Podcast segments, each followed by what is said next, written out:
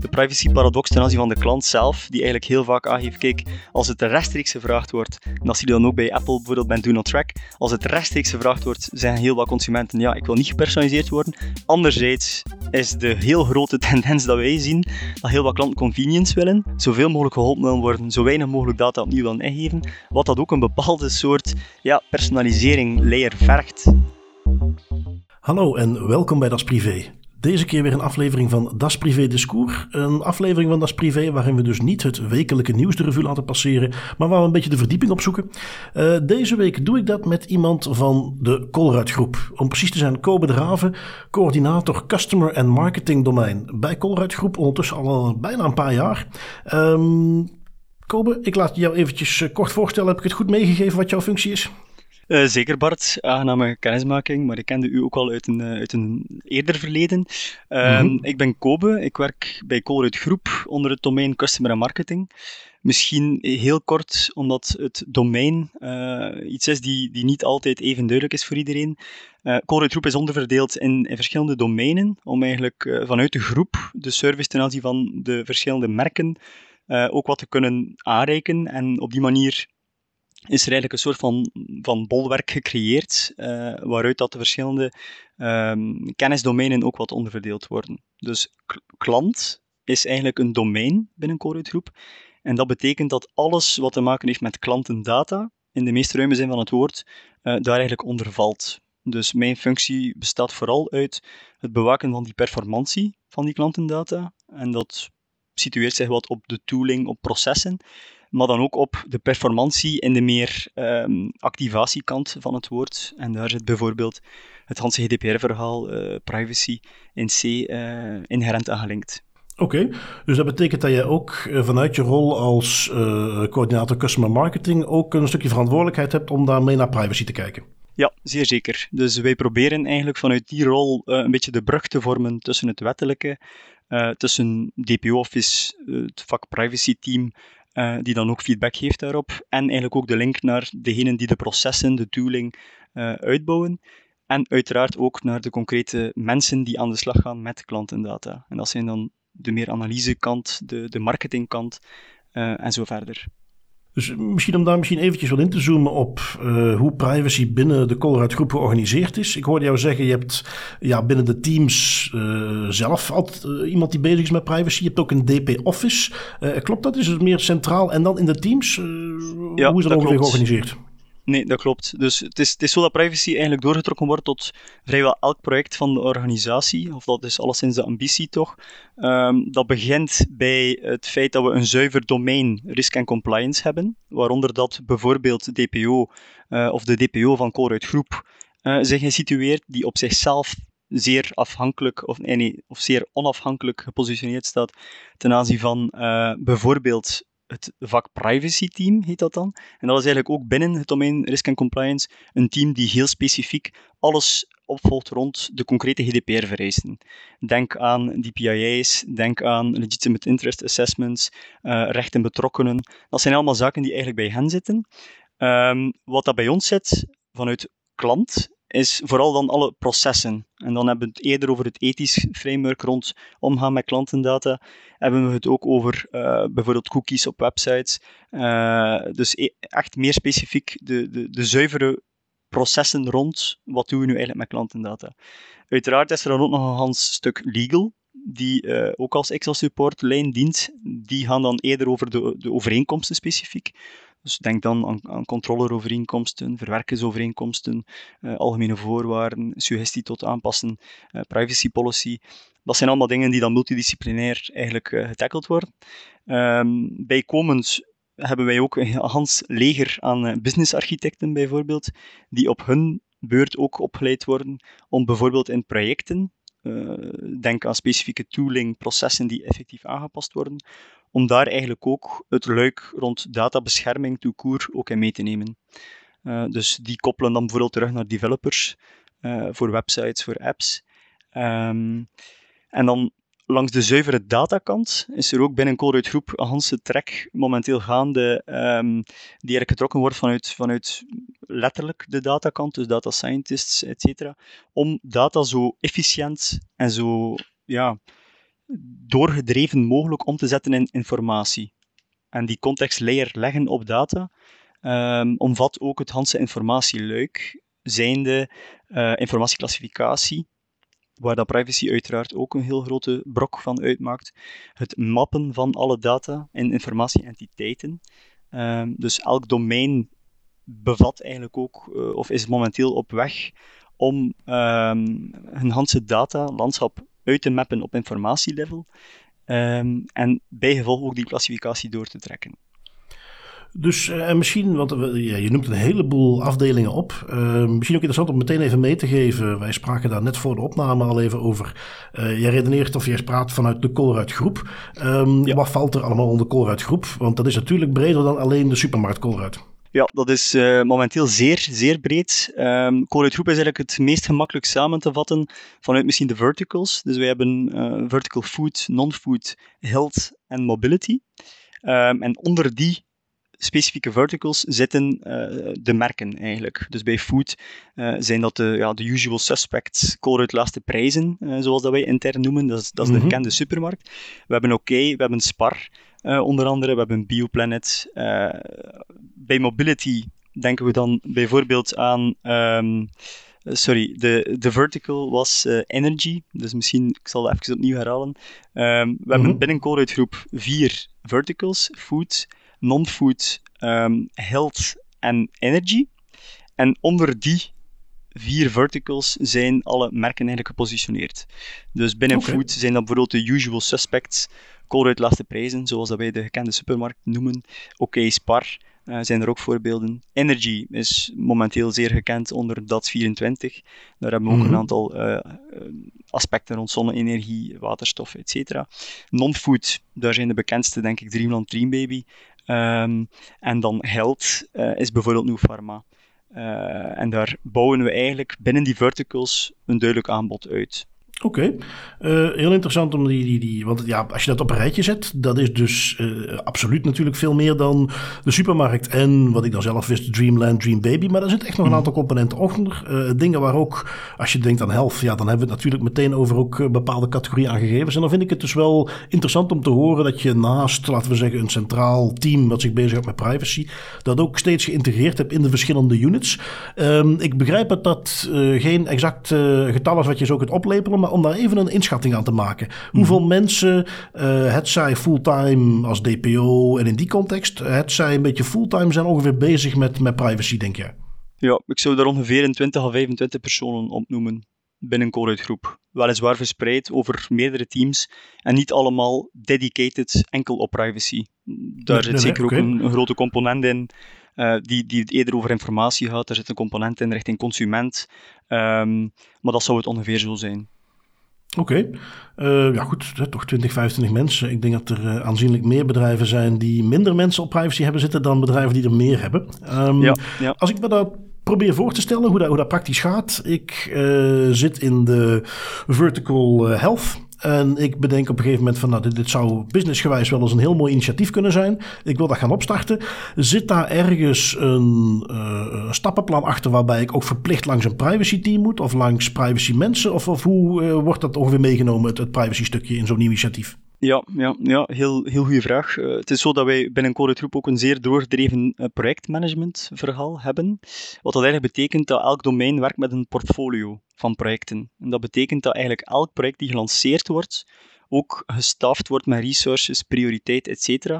En in die check, bij het lanceren van een project-idee heet dat dan, zit eigenlijk inherent ook het feit, als er klantendata betrokken zou worden, dat je eigenlijk ook uh, via ons passeert. En, en, dat hoeft niet beschouwd te worden als een soort van uh, uh, Romeinse traditie waarbij dat wij onze duim ophouden uh, omhoog of omlaag.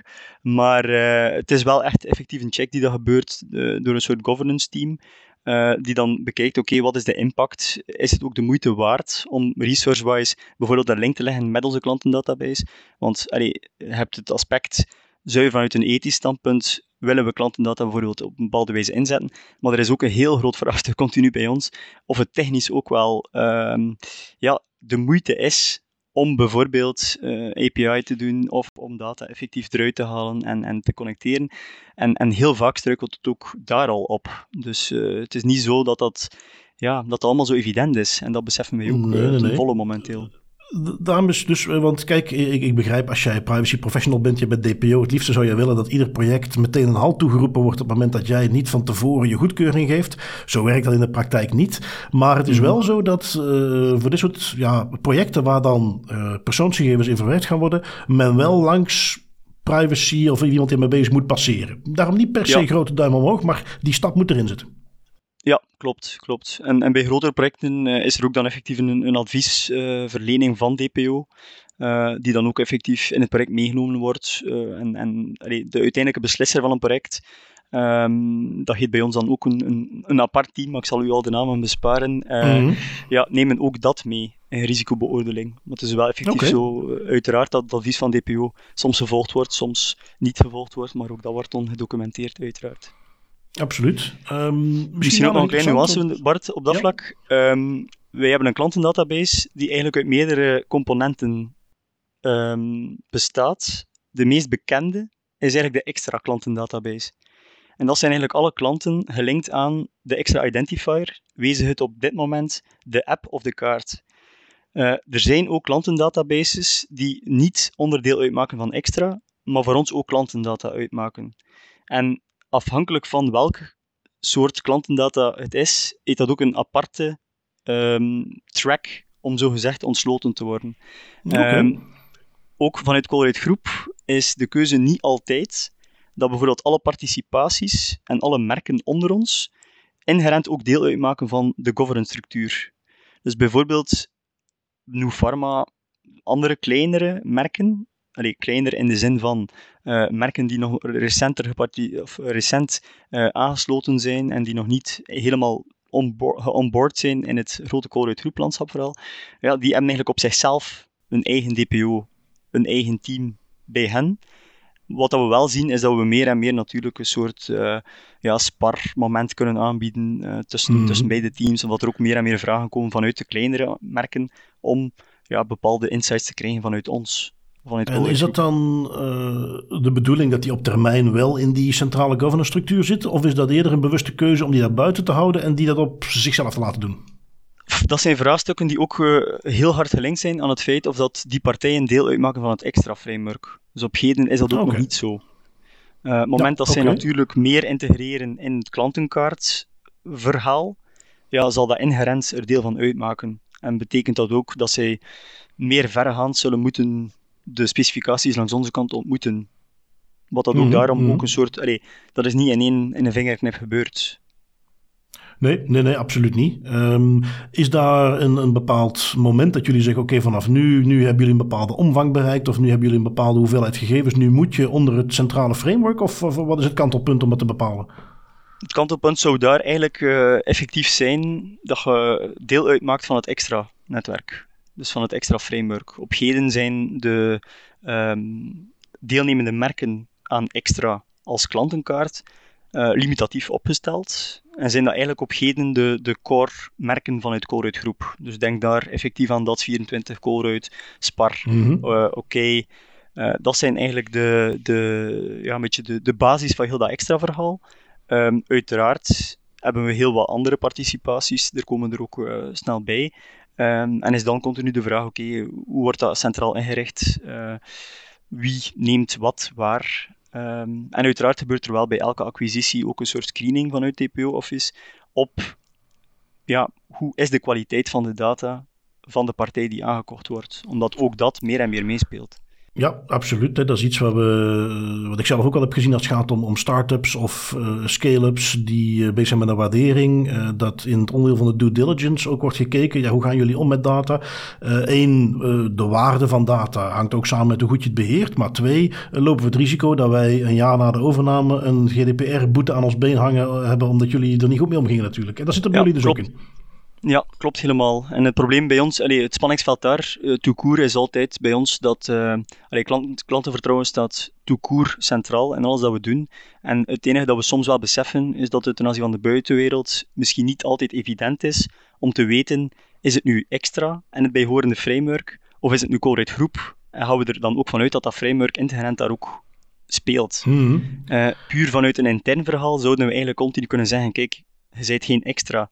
Dus de governance die voor extra geldt, telt eigenlijk niet. Maar we beseffen wel meer en meer dat ten aanzien van de klant dan niet altijd het meest transparant zal zijn. En dat we daar misschien veel meer of verregaander moeten ja, een soort groepsbasisbescherming-achtig uh, allee, achtige laag aanleveren. En vandaar dat ook de link naar extra uh, ook veel sneller aan bod komt. Omdat dat bijvoorbeeld ten aanzien van de klant een heel duidelijke ja, front-end beweging is. Nu, als je, je, zit dan, uh, we pakken een situatie waarin een, een, merk of een eh, onderdeel van een vertical, die zit in het extra framework. Dat betekent, betekent dat ook meteen dat de, data die daarin zit ook, ook centraal bekeken wordt, centraal geanalyseerd wordt. En, en waar ben ik natuurlijk naar op zoek? In hoeverre is dat iets wat een klant op het moment dat eh, lid wordt of, of ergens bij zit, meteen duidelijk dat die dan meteen in het bredere framework van de extra context zit? Um, het is effectief de bedoeling dat de data die onder het extra framework zit, uh, centraal beheerd wordt. Wat dan nu de grote nuance is, dat uh, centraal beheren betekent op, op dit moment dat de data wel uh, centraal binnenkomt, ook daar centraal geanalyseerd wordt, maar de doeleinden die daaraan verbonden worden, en zeer specifiek momenteel voor direct marketing, ehm, dat zit allemaal nog per merk. Dus het is niet zo dat wij, okay.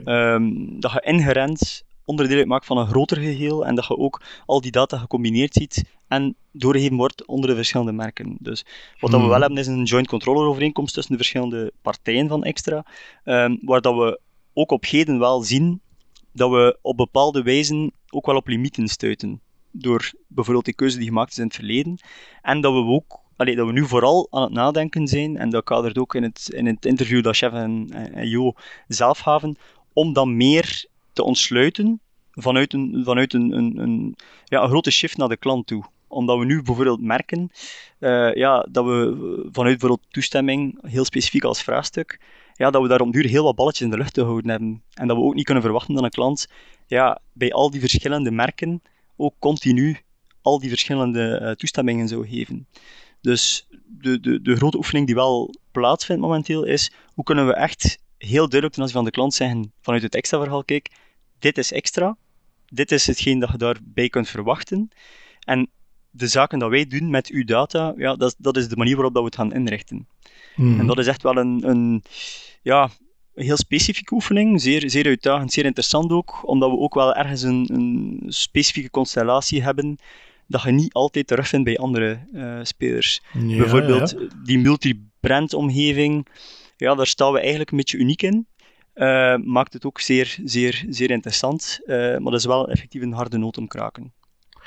Nu, uh, dat is een mooi bruggetje naar wat ook een beetje de aanleiding was van uh, ons gesprek hier. Um, ik uh, las een interview waar je net ook naar verwees, in de tijd geloof ik dat het was. Um, ja. Dat triggerde mij wat. Ik had daar een LinkedIn-postje aangeweid. Um, de, de quote specifiek, ik zal hem nog eventjes meegeven, ook voor de luisteraars. Via zijn dochters wil Colruyt klantendata verzamelen die het kan inzetten bij andere ketens. Merkt Nieuw Pharma dat iemand zwanger is, dan kan die klant gerelateerde aanbiedingen krijgen van Colruyt of Dreambaby. De klantenkaart Extra de klantenkaart App Extra krijgt binnenkort een centrale rol en moet de digitale toegangspoort worden van alle Colruyt merken.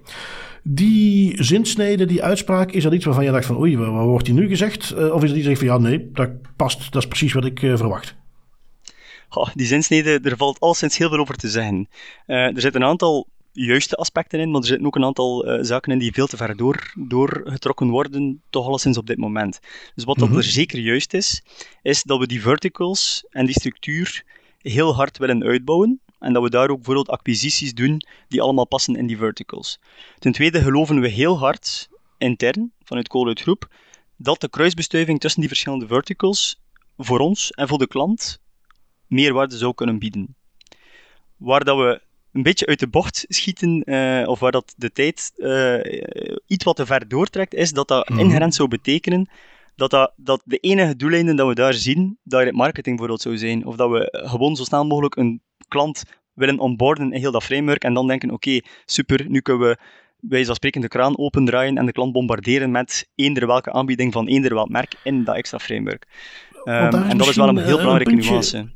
Waar ik zelf um, benieuwd naar ben. En dat is niet omdat ik zeg van, oh, steek maar eens even een reclameverhaal af. Maar waar ik gewoon, dat is echt even naar voren wil brengen. Kijk, de, um, voordelen van Coruit om al die data te gaan verzamelen, koppelen, daar analyse op los te laten, dat mogen duidelijk zijn. Um, maar je zegt ook zelf aan, van, ja, we, we, zien ook echt naar de klant toe, zien we daar een voordeel. hoe moet ik me dat voorstellen? Wat, wat zou je nu zeggen van, ja, kijk, doordat we dat doen, kunnen wij echt iets geven waar klanten zelf beter op zitten te wachten. En ik moet toegeven, ik ben op zoek naar iets meer dan we kunnen ze gepersonaliseerde aanbiedingen doen. Ja, klopt. Uh, wel, ik denk dat de grote overtuiging bij ons is dat we uh, vanuit Colruyt Groep een behoorlijke maatschappelijke rol hebben. Die eigenlijk betekent dat in een complexe samenleving, waarbij dat de consument eigenlijk van heel wat verschillende dingen uh, een aantal ja, vraagstukken begint te zien. Denk aan ecologie, denk aan impact op uh, mobiliteit, denk aan impact op milieu, denk eigenlijk aan alle mogelijke zaken uh, waarbij dat klanten momenteel geconfronteerd worden in consumentenvrijheid ook ergens, uh, rond keuzes die gemaakt moeten worden, geloven wij wel effectief dat we uh, als, als Belgische speler die al zo lang ook op de markt is, die rol moeten vervullen.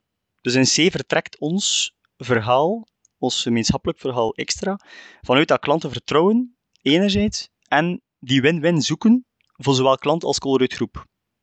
Vandaar dat we ook de gepersonaliseerde aanbiedingen, ja, dat is potentieel onderdeel van zo'n verhaal. Als een klant ook aangeeft dat hij bijvoorbeeld meer sturing wil rond bepaalde aankopen, ehm, om bijvoorbeeld gezonder te leven, om bewuster keuzes te maken, zijn dat zaken dat wij gaan kunnen aanbieden. Als klanten zeggen, kijk, ik ben op zoek naar zuivere loyalty en ik wil gewoon beloond worden omwille van het feit dat ik bij alle verschillende merken van Colruyt Groep shop, is dat ook iets dat we gaan aanbieden. Maar dat zijn heel verschillende zaken. Maar bijvoorbeeld een heel specifiek voorbeeld rond meerwaarde, ja, zie ik echt heel gemakkelijk in, in, in voeding toekoer. Uh, omdat we daar heel wat verschillende tendensen zien, heel wat verschillende uh, gedragingen zien van klanten.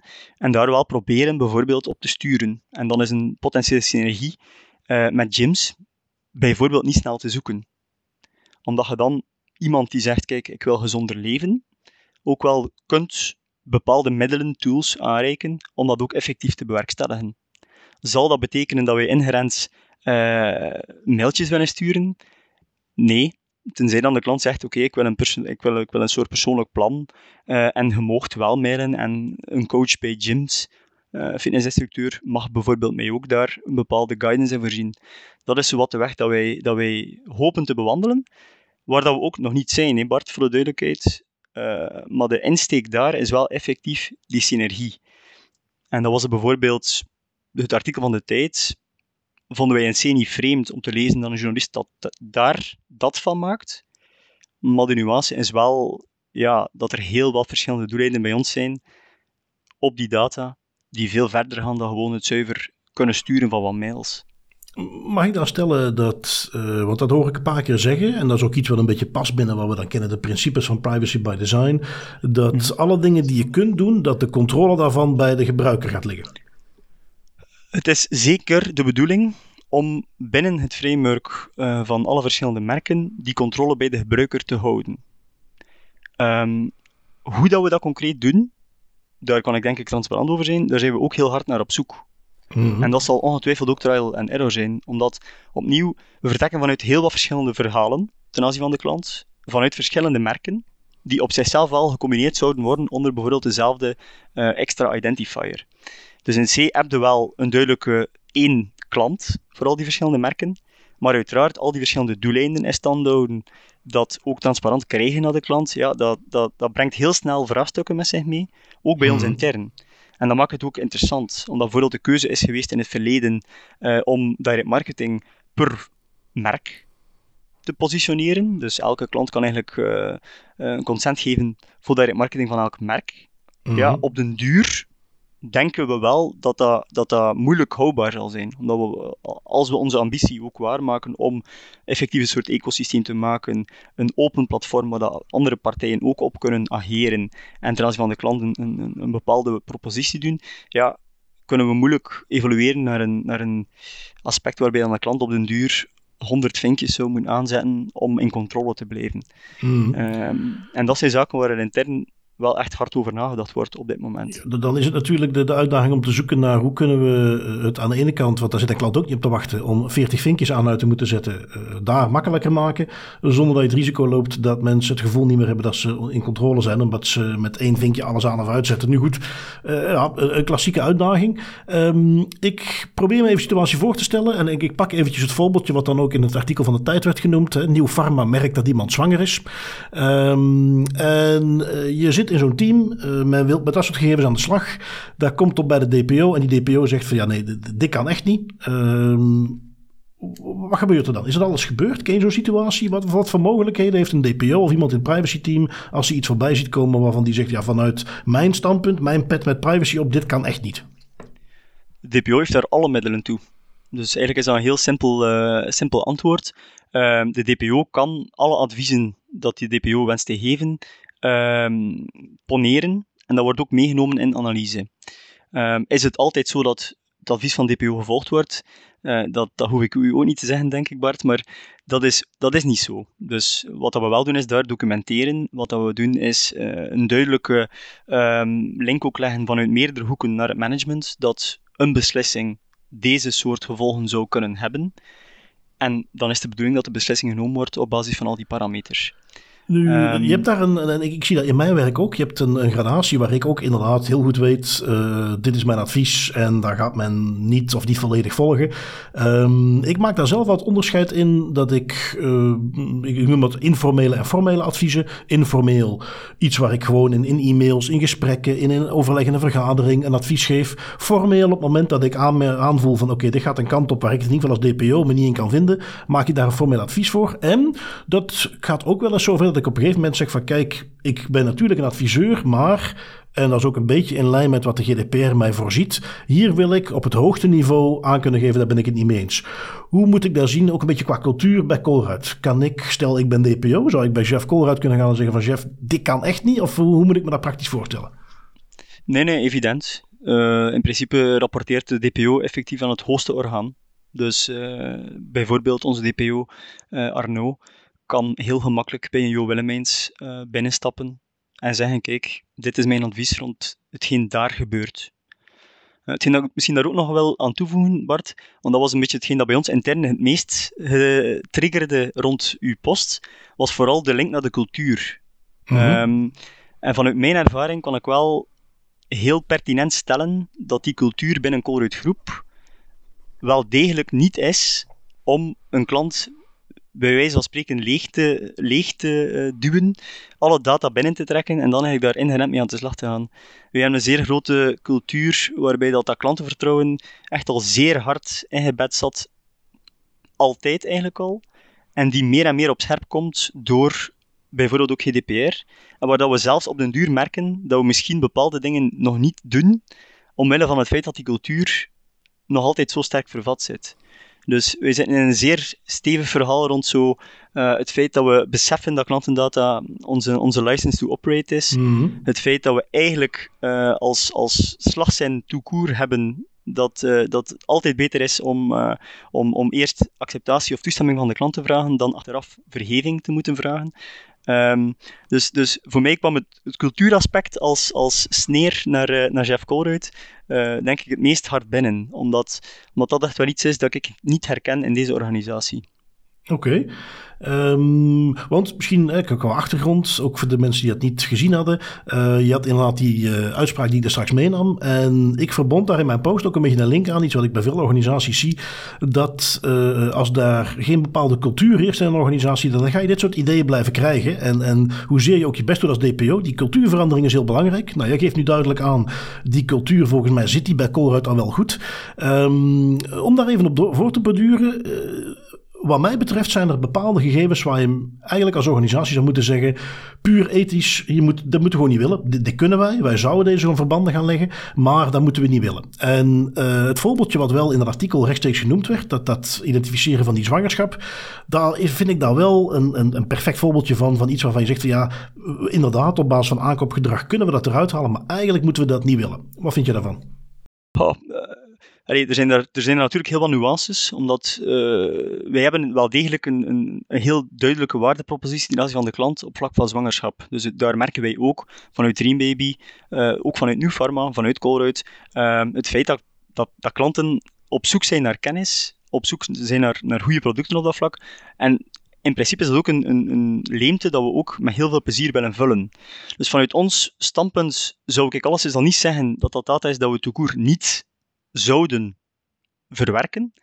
Um, gewoon omwille van het feit dat er ook een commercieel verhaal achter zit bij ons. Dus waar dat bij ons daar de nuance zit, is wij gaan niet per se, of wij gaan gegevens van ons zwangerschap niet verwerken omdat we het kunnen. En bijvoorbeeld de nuance dat we daar heel hard trekken als harde lijn is, dergelijke data is enkel voor intern gebruik en zou voor dat ook nooit verkocht worden. Dus een database aanleveren van onze klanten, waarop dat staat, kijk, dat zijn nu op dit moment de klanten die zwanger zijn, dat is een heel harde lijn. En dat is bijvoorbeeld ook iets dat cultuurmatig zeer, zeer hard doorgetrokken wordt. En waarbij dat je ja, instant heel hoog in de boom het zou mogen gaan uitleggen als ze daar dan zo begint tornen. Um, en voor mij zijn dat wel nuances rond het feit dat ja, het zuiver verzamelen van de gegevens rond bijvoorbeeld zwangerschap of rond gezondheid, je kunt inderdaad gemakkelijk hypotheses verzinnen waarbij dat er sprake zou zijn van een soort van misbruik, maar dan werpen wij ons op als organisatie als een soort goede huisvader, waarbij dat, kijk, waarbij dat wij daar tegenover gaan zetten. We hebben heel wat tooling, we hebben heel wat processen, we hebben allerhande zaken om net te bewerkstelligen dat het feit dat je dit geeft aan ons, voor u echt een meerwaarde betekent. En dat is wel tegelijkertijd ook een dagdagelijkse strijd. Omdat bijvoorbeeld vanuit het marketingdepartement we daar wel vaak hen ook op scherp zetten rond bijvoorbeeld content. En dat niet zo kan zijn mhm. dat die gegevens rond zwangerschap en het feit dat iemand aangeeft van kijk, beste call groep vanuit extra, uh, deel ik eigenlijk mee dat ik zwanger ben, want dat is misschien ook een nuance. Wij detecteren niet op dit moment dat iemand zwanger is, iemand meldt dat eigenlijk aan ons. Dus het feit dat iemand, geeft dat in de app echt aan, ik ben zwanger? Ja, ja, dus dat, we, hebben, we hebben een aantal trajecten rond kinderen, um, waarbij dat iemand bijvoorbeeld kan zeggen, kijk, um, ik wil een geboortelijst leggen bij Dreambaby, dan heb je de mogelijkheid om aan te geven dat je ook gepersonaliseerde communicatie op maat wil, uh, gelinkt aan de verschillende fases van je zwangerschap. En, en eigenlijk zien wij dat dan... heel wat Nee, Moet ik het dan zo zien? Want daar, zie ik wel een hele belangrijke nuance. Want um, kijk, ik ben natuurlijk een beetje privacy gedeformeerd. Ik ga zelf heel weinig van dat soort dingen delen. Maar ik vind dat iedereen zelf de vrijheid moet hebben om dat wel te doen. En op het moment dat de gebruiker dus zelf dat soort informatie aangeeft, ja, uh, dan moet iedereen lekker zelf weten. En dan gaat het een kwestie van, van vertrouwen in een merk of je dat wel of niet wil doen. Um, maar wat ik natuurlijk in de praktijk wel heel veel gezien heb, is dat data dat soort dingen naar boven brengen. Begrijp ik goed dat jullie zeggen van kijk, wij zouden, als je bij Nieuw Pharma een aantal bepaalde aankopen doet, een zwangerschapstest. En uh, dan daarna ga je al de andere aankopen doen waarbij uh, je heel makkelijk de puzzel kunt leggen. Oké, die zal wel zwanger zijn. Maar ik begrijp goed dat dat niet iets is wat je uit die data gaat halen en dan gaat personaliseren. Dat is iets wat iemand zelf moet aangeven. Ja, in principe is dat bijvoorbeeld voor, die, voor dat soort data is dat de lijn. Dus wij maken een heel duidelijk onderscheid tussen declared en inferred. Wat dat betekent dat bij specifieke zaken met specifieke trajecten, zeker als bij ons, allez, bij ons is het bijvoorbeeld ook uh, gecategoriseerd als meer gevoelig, dergelijke data, dat we eigenlijk meer focussen op het verkrijgen van data via de klant, dan het detecteren en het, het creëren van modellen die effectiever toe leiden van kijk, nu die, zal die uh, partij zwanger zijn. Uh, en dan heb je bijvoorbeeld ook uh, de link naar de target case, die op dat moment ook, uh, ook ja, wat weggenomen wordt, omdat we niet automatisch sturen op dergelijke gegevens. Ja, ja, ja. Wat was de link die ik ook legde toen ik het er in de podcast over had? En misschien dat is ook een beetje de formulering die misschien in het artikel stond. Hè? Daar staat merk Nieuw Pharma dat iemand zwanger is. Ja. ja. dat is natuurlijk iets heel anders dan wat jij nu zegt. Van nee, een klant geeft aan, ik ben zwanger. En, en, en daar gaan we het op aansturen. En dat vind ik een, een, wel een belangrijk verschil. Dan kiest iemand ervoor om dat mee te delen. Ja, ja. en dat is, allee, dat is een dunne lijn. Toekoer, Bart. Allee, dat, is, dat is echt iets dat we heel dagelijks uh, als spanningsveld merken. Ook de mm privacy-paradox ten aanzien van de klant zelf, die eigenlijk heel vaak aangeeft, kijk, als het rechtstreeks gevraagd wordt, en dat zie je dan ook bij Apple bijvoorbeeld bij Do Not Track, als het rechtstreeks gevraagd wordt, zeggen heel wat consumenten, ja, ik wil niet gepersonaliseerd worden. Anderzijds is de heel grote tendens dat wij zien, dat heel wat klanten convenience willen, zoveel mogelijk. Zoveel mogelijk geholpen willen worden, zo weinig mogelijk data opnieuw willen ingeven, wat dat ook een bepaalde soort ja, personalisering layer vergt. Dus het feit dat iemand ehm, ja, eigenlijk wel communicatie, uh, promoties ergens op maat wil, uh, versus het feit dat iemand zegt, ja, eigenlijk wil ik niet zoveel delen, daar zit er een continu spanningsveld op. En dat betekent dat heel wat teams binnen ons ja, binnen, binnen een groep op scherp gehouden moet worden. Dat zit bij marketing, die heel snel gesanctioneerd kan worden omwille van het feit dat ze niet relevante content sturen, uh, omdat, omdat klanten uitschrijven. Dat zit bij tooling en processen, uh, die heel snel moet beseffen van kijk, welke data gaan we waar collecteren, op welke wijze gaan we mm eventueel analyse doen. Dat zit bij data science, scientists, die ook een ethisch kader hebben, uh, waaruit dat zij gaan beslissen, kijk, welke datamodellen bouwen we, welke doen we niet. Um, en ja, die, die governance nee, okay. daar wat uit. Eh, iets waar ik benieuwd naar ben. Um, ik vind het al interessant hebben uitgeklaard. Uh, en dat vind ik een, een, mooie terminologie ook. Het, het, onderscheid wat je maakt tussen inferred en declared. Oftewel iets wat iemand zelf heeft mhm. aangegeven. En wat wij zouden kunnen afleiden of afleiden. Ja. Um, want je komt op het niveau dat je dus met toch. Uh, of mensen het nu zelf hebben gegeven. Of het is inferred. Met hele gevoelige data zit. En waar wij, als je de podcast wel eens luistert. Waar wij toch regelmatig voorbij laten komen. Is misbruik van data. En je gaat op een gegeven moment als Colruyt groep natuurlijk een hele grote populatie in België bereiken. Um, ik kan me voorstellen, als wij kijken naar andere soorten misbruikgevallen die de revue passeren in de podcast, dat iemand op een gegeven moment denkt: ah, ik wil mijn nieuwe vriendin of uh, het vriendje van mijn dochter of wat dan ook. Ik ga die eens even opzoeken in al die databanken waar ik toegang toe heb. Op wat voor manier zijn jullie bezig met het, voorkomen van potentieel misbruik? Ja, dat is een, nog een hans ander departement.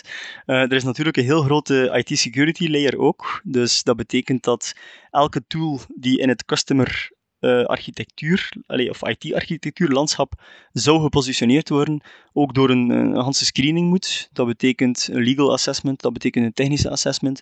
Dat betekent ook, uh, ja, ook historisch gezien is Colruyt uh, iets wat um, biased rond data in de cloud steken. Dus dat betekent ook vaak een cloud assessment.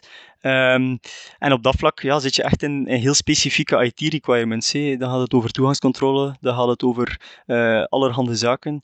Uh, het feit dat ik daarnet ook zei rond heel die datamapping, heel dat informatietrek, uh, verhaal, ja, dat is ook inherent gelinkt. Dus uh, idealiter start eigenlijk alle data vanuit de contextlayer naar informatie, wordt de informatie geclassificeerd en is aan elke klassificatie van elke informatieentiteit ook de specifieke IT-requirement gelinkt. Mm -hmm. uh, dus in principe zitten we daar wel met een closed-loop verhaal. Hebben we daar uitdagingen? Ja, oké, okay, immens. Uh, alle, alle mogelijke uh, issues rond um, identificatie, authenticatie, dat staat bij ons heel hoog op de agenda. Hoe dat we al die verschillende um, ja, leveranciers ook voor onszelf in de pas laten lopen, uh, omdat dat ook een, gevaar uitmaakt. Dat zijn zaken die bij ons ook heel, heel hard spelen en waar dat we ook zeker niet uh, ooit klaar mee gaan zijn, denk ik. Als ik daar eens een, een, een, het is iets wat ik eh, zie bij een aantal organisaties, dat men nu langzaamaan wat meer merkt dat, dat we daar een duidelijke beleid rond moeten voeren. Als ik eens een hele hypothetische vraag stel, want uiteraard zou je dat nooit doen, maar stel nu, jij besluit, ik ga eens even rondstruinen in de databases, ik heb daar wat dingen uitgehaald en ik gebruik die in van mijn part een vechtscheiding die ik heb of een discussie die ik ergens mee mhm. heb. Wat het ook mogen zijn, jij haalt die data eruit. Wat zouden dan de gevolgen zijn voor jou? Wacht hoor, voor mijzelf, de data die momenteel over mij in Code Troep geweten zou zijn? Nee, over iemand anders. Jij gaat je toegang uh, misbruiken om er uh, data uit te halen. Uh, is dat iets waarvan je zegt van ja, daar hebben wij een intern sanctiebeleid en ik weet precies dat dat niet de bedoeling is? Of zeg je van goh, weet ik niet precies, dat zouden we eens moeten bekijken? Ja, ja ik, ik snap wat je bedoelt, Bart. Ik dacht even, als het over mijn data zou gaan, wat dan de gevolgen zouden zijn voor mezelf. Maar ik snap wat je bedoelt, de gevolgen mm -hmm. voor mij als werknemer van Code Groep. Ja, ja, ja, precies. Ja. ja, misschien daar al heel duidelijk om te stellen dat, uh, dat het data, of de database, de klantendatabase, dat is eigenlijk iets dat ik zelf al niet aan kan. Ook al ben ik bijvoorbeeld customer en is zo gezegd alles rond performantie klantendatabase mm -hmm. voor mij iets die dagelijks uitmaakt van mijn werk, uh, kan ik in C niet aan de database uh, op zichzelf. Dat is zeer strikt gescheiden binnen Colruyt Groep. Uh, bijvoorbeeld ook de analyse layer, waarbij dat data scientists dagelijks op ageren, versus de klantendatabase layer, dat is ook inherent gescheiden. Dus wij werken met een identifier intern, die eigenlijk pas helemaal op het einde samenkomt. In bijvoorbeeld een tooling. Nu, en, en, misschien, sorry dat ik je wat uh, onderbreek, Kobe, want ik snap heel goed dat echt de, de uh, specifieke security aspect is ook niet de scope van dit gesprek en dat is weer een ander team. Mm -hmm. Waar ik vooral even benieuwd naar ben en ook een beetje gelinkt aan die cultuur, is dit iets waar heel duidelijk over gecommuniceerd wordt, zelfs al zou je het kunnen? Dat is nooit de bedoeling of hoe, hoe wordt daar ja, intern over gecommuniceerd? Hoe... Nee, zeer zeker. Dat, dat, zit, dat zit vervat in de arbeidsovereenkomsten. Dat zou ongetwijfeld uh, aanleiding geven tot een zeer stevig gesprek met, uh, met HR bij ons intern tot zelfs uh, een ontslag. Zeker, als je, allee, zeker vanuit de IT-layer. Dus als je vanuit data science, vanuit uh, effectief de mensen die met data aan de slag kunnen, als je daar je boekje te buiten zou gaan, ja, zou dat ongetwijfeld instant een zeer grote sanctie betekenen tot zelfontslag. Uh, het is ook zo dat die access controls, maar opnieuw, dat zit een beetje meer in het IT-security landschap, mm. ja, dat dat natuurlijk heel hard uitgewerkt is. Hè. Dus uh, het grote voordeel bij Colruyt soms een nadeel is het feit dat er heel wat on-premise is, dus ook in eigen beheer. Uh, zoals momenteel de klantendatabase ook nog altijd. Um, wat dat ook betekent dat die controls ja, daar zeer, zeer, zeer stevig zijn en iets wat gemakkelijker toe te passen dan bijvoorbeeld ook zuivere cloud. Maar dat is iets wat uh, in een, uh, in een Schrems 2 context, waarin het uitwisselen ja. met Amerikaanse cloud providers, ja. waar je misschien niet rouwig om bent dat dat zo zit. Op dat vlak zijn we daar niet rouwig om. Dat biedt soms wel wat performantie issues en wat, uh, wat uh, de vraag of dat we, hoe snel dat we soms kunnen schakelen, dat is dan een andere vraagstuk, maar zuiver als Schrems zijn we op dat vlak iets, iets wat meer gerust. Um, dus dat is alweer een voordeel. Ja, ja, ja. Oké. Okay. Um, Kobe, ik, ik onthoud uit dit gesprek dat ten eerste de context die ik meegaf in mijn artikeltje, de, de, de, cultuur die ik daar ook aanhaalde, is iets waar je heel duidelijk aangeeft. Ja, die, die vind ik dat die echt wel goed zit. Dat blijft mm-hmm. een spanningsveld. Uh, zeker als we het dan hebben over die uitdaging van die verschillende merken en verticals bij elkaar brengen, is ja. iets waar we mee bezig zijn. Maar ik onthoud vooral dat je toch met een organisatie van 20, 25 mensen binnen Colruyt echt al met privacy bezig bent. En uh, ja, dat dat dus iets is wat ook echt wel in, in, in de cultuur zit. En ik vond het leuk om dit inkijkje daar wat van te krijgen. Ik uh, dank je wel voor je tijd. Nee, hartelijk bedankt langs mijn kant voor, ja, voor het forum dat ons ook gegeven wordt. Ik denk dat uh, lovenswaardig is dat er op sommige vlakken eens een dialoog kan zijn tussen meer de privacykant en de privacykant intern. Ik denk dat je heel terecht een, een soort van spanningsveld detecteert tussen hoe dat wij erin staan versus hoe dat we naar de klant kijken. Uh, en ik denk dat dat ook net het, het uitdagende is aan werken op dit moment in, in de privacy sector. Alles beweegt continu. Voor hetzelfde geld is er morgen weer een, een of andere baanbrekend arrest die een bepaalde tool wederom moeilijk maakt. Um, en ik denk dat het cultuur het cultuuraspect iets is dat we continu op inzetten, omdat ja, wij beseffen echt zeer, zeer hard, en zeker in deze tijden, dat dat klantenvertrouwen uh, zeer broos kan zijn. En dat we daar ook echt wel heel wat moeite moeten in steken om dat te blijven behouden. Kijk, en alleen al het feit dat je de tijd wilde maken om dat hier in de podcast wat te komen toelichten, zegt dat ook al een beetje. Hè? Dankjewel voor je tijd, komen. Bedankt Bart. Ja, ja, dat is ook een heel klein beetje uit te daden.